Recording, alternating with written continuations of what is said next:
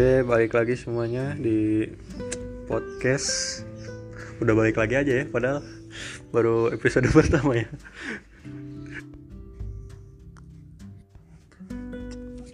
Hari ini temanya demokrasi di Indonesia. Oh iya, perkenalan dulu, Dim. Halo, perkenalkan nama saya Dimas Dwi Alvirano, eh, seorang mahasiswa dengan nomor induk mahasiswa 2006654 dari Prodi Pendidikan Kepatan Olahraga. Kelas-kelas. Kelas saya kelas PKOB. Nah, dan saya Calvinito Fajariskia sama se- sebagai mahasiswa juga nomor induk mahasiswa saya 2004617 saya prodi pendidikan pelatihan olahraga kelas B. Nah ngomong-ngomong demokrasi tahu tahu apa nih Dim? Tentang demokrasi. Jadi demokrasi itu kalau menurut saya sebagai seperangkat gagasan dan prinsip tentang kebebe- kebebasan beserta praktik dan prosedurnya. Misalnya di negara ini menganut sistem demokrasi yang bebas. ya Gua- Nah, kalau menurut saya demokrasi itu bentuk pemerintahan di mana warga negaranya bisa memilih hak setara dalam pengambilan keputusan yang dapat mengubah hidup mereka gitu. Jadi gimana ya? Eh, bisa dibilang demokrasi itu mengizinkan warga negaranya berpartisipasi baik secara langsung atau melalui perwakilan dalam peru- perumusan perkembangan dan pembuatan hukum itu secara musyawarah. Ya ini tahu nggak demokrasi berasal dari bahasa apa?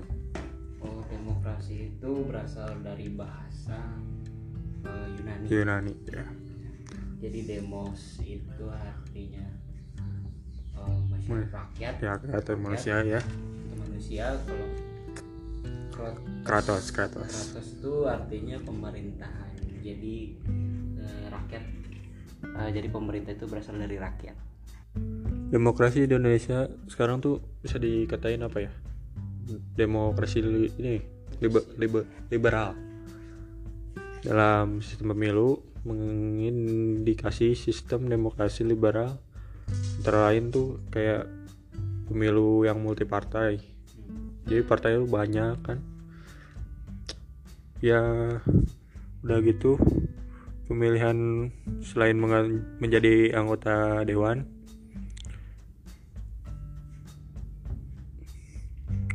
tes tes dan juga pemilihan presiden secara langsung sejak 2004 kan? 2004 ketika bukan iya bukan cuma presiden tapi juga wakil presidennya. Presiden. Untuk pilpres ini mekanismenya juga serupa dengan pemilu partai. Hanya yang objeknya yang dipilih kan berupa pasangan calon.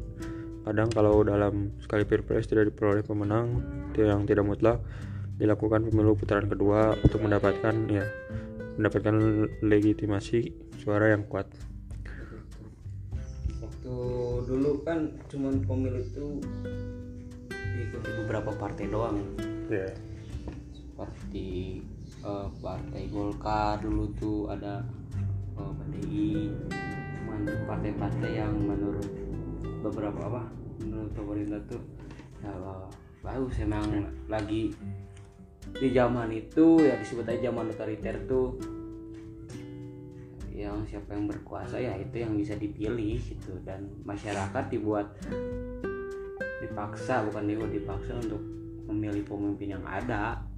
Bukan seperti zaman saat ini kan ya sahabat saat ini bisa siapa pun bisa mengajukan diri menjadi anggota dewan atau menjadi presiden. Benar dan adanya badan khusus penyelenggara pemilu yaitu KPU sebagai panitia dan Panwaslu sebagai pengawas proses pemilu belum lagi tim pengamat yang dibentuk secara swadaya. Sini dibutuhkan birokrasi tersendiri untuk menyelenggarakan pemilu meskipun pada dasarnya birokrasi itu masih bergantung kepada sistem pemerintah juga saya sependapat dengan eh, eh, Kelvin gitu bahwa lebih baik kita terbuka tuh dalam pemilihan tuh apalagi ada sekarang pengawasan ada banwaslu ada panwaslu ada yang masyarakat yang mengawasi jadi benar-benar sistemnya terbuka gitu tidak ada yang ditutup-tutupi gitu.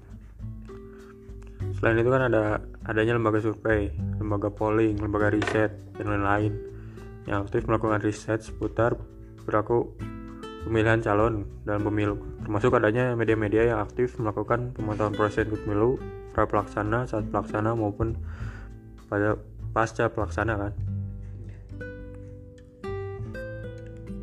Kalau untuk lembaga survei itu uh, mungkin setiap paslon atau setiap partai sendiri kan sudah memiliki apa atau bekerja sama dengan lembaga survei itu di mana masing-masing partai dengan partai ini yang satu dengan si itunya kan si lembaga surveinya gitu. Bisa aja di satu partai ini uh, surveinya segini dan di di apa di calon yang lain. calon yang lain segini. Jadi quick count itu cuman sebagai bukan sebagai akhir gitu cuman panduan doang gitu melihat melihat perolehan. Dan yang menjadi keputusannya itu ya real count gitu nanti dari pihak KPU ngerasa gak sih demokrasi di Indonesia itu amat sangat membutuhkan modal uang banyak sekali biaya yang dibutuhkan untuk memenangkan pemilu. Ya. kayak konsekuensinya pihak-pihak yang berkantong tebal mereka lebih berpeluang memenangkan pemilu nah, daripada orang-orang idealis. Nah, tetapi miskin harta. Nah, itu. Terus uh, terus akhirnya hitam putih politik tergantung kepada tebal tipisnya kantong para politisi. Nah itulah yang terjadi di negeri ini sekarang. Bahwa masih ada kecurangan-kecurangan gitu di dalam sistem demokrasi kita tuh gitu. Mungkin aja orang yang berpandangan uh, misalnya lurus-lurus saja itu mungkin ya udahlah jalani aja. Tapi kita sebagai mahasiswa bisa mengkritisi apakah demokrasi di negeri ini jalan atau tidak. Ya. apakah bisa berjalan dengan baik atau tidak tanpa harus memikirkan si kaya dan si miskin gitu. Ya. mungkin sekarang bisa disimpulin ya dengan dengan demikian kita lihat bahwa demokrasi di Indonesia telah berjalan dari waktu ke waktu. Namun kita harus mengetahui bahwa pengertian demokrasi Pancasila adalah demokrasi yang dihayati oleh bangsa negara Indonesia dijiwai dan diintegrasikan oleh oleh nilai luhur Pancasila. Adapun aspek dari demokrasi Pancasila antara lain di bidang aspek material, formal, normatif, aspek kualitatif, aspek organisasi dan lainnya. Namun hal tersebut juga harus disadari dengan prinsip Pancasila dan dengan tujuan nilai yang tergabung di dalamnya. Oleh karena itu, kita dapat merasakan demokrasi dalam istilah yang sebenarnya. Mungkin setuju uh, jadi memang demokrasi kita tuh uh, dengan demokrasi Pancasila. Misalnya satu contohnya saya ambil dari demokrasi Pancasila tuh uh, dari sila pertama itu uh, ketuhanan yang maha esa. Jadi masyarakat Indonesia tuh wajib untuk memiliki kepercayaan. Kan di negara kita sudah ada berapa? Sudah ada lima atau enam kalau nggak salah itu kepercayaan yang boleh dianut di negara kita dan negara kita menganut keyakinan ketuhanan gitu bahwa Tuhan itu ada. Se misalnya contoh seperti zaman dulu uh, mungkin para pendengar juga mengetahui tentang uh, tragedi yang di masa silam yaitu tragedi 30 September bahwa banyak uh, para jenderal yang diculik untuk mengadu domba dari PKI itu ke pemerintah atau golongan PKI itu kan golongan kiri dan pemerintah golongan kanan untuk mengganti uh, dari sistem, sistem. kita yang percaya yang kita ketuhanan, yang kita anut ya. ketuhanan diganti dengan komunisme. Tapi itu salah. Komunisme itu salah tidak pantas lah itu dengan ketuhanan. Jadi beda dengan Hmm. kultur kita. Baik baik oke mungkin dari sarannya dari saya demokrasi pancasila di era reformasi Indonesia harus lebih dipahami lagi karena agar semua masyarakat bisa membedakan antara demokrasi pancasila di Indonesia dengan di negara lain. Kalau saran dari Dimas gimana?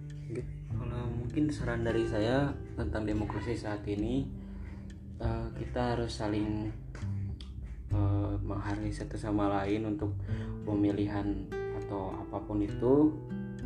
Dengan tidak mau apa mengutamakan eh, kantong tebal atau kantong tipis gitu. Iya. tidak jadi kita tuh harus terus eh, bersatu padu di Indonesia ini dan jangan terpecah belah meskipun beda pandangan politik ataupun yang lain gitu.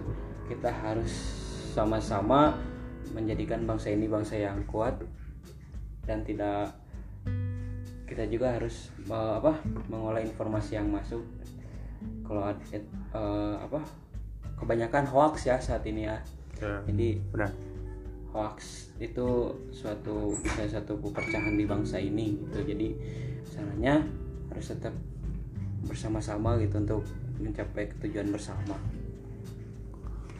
Oke, mungkin segitu dulu untuk episode kali ini. Ya, sampai jumpa di episode selanjutnya.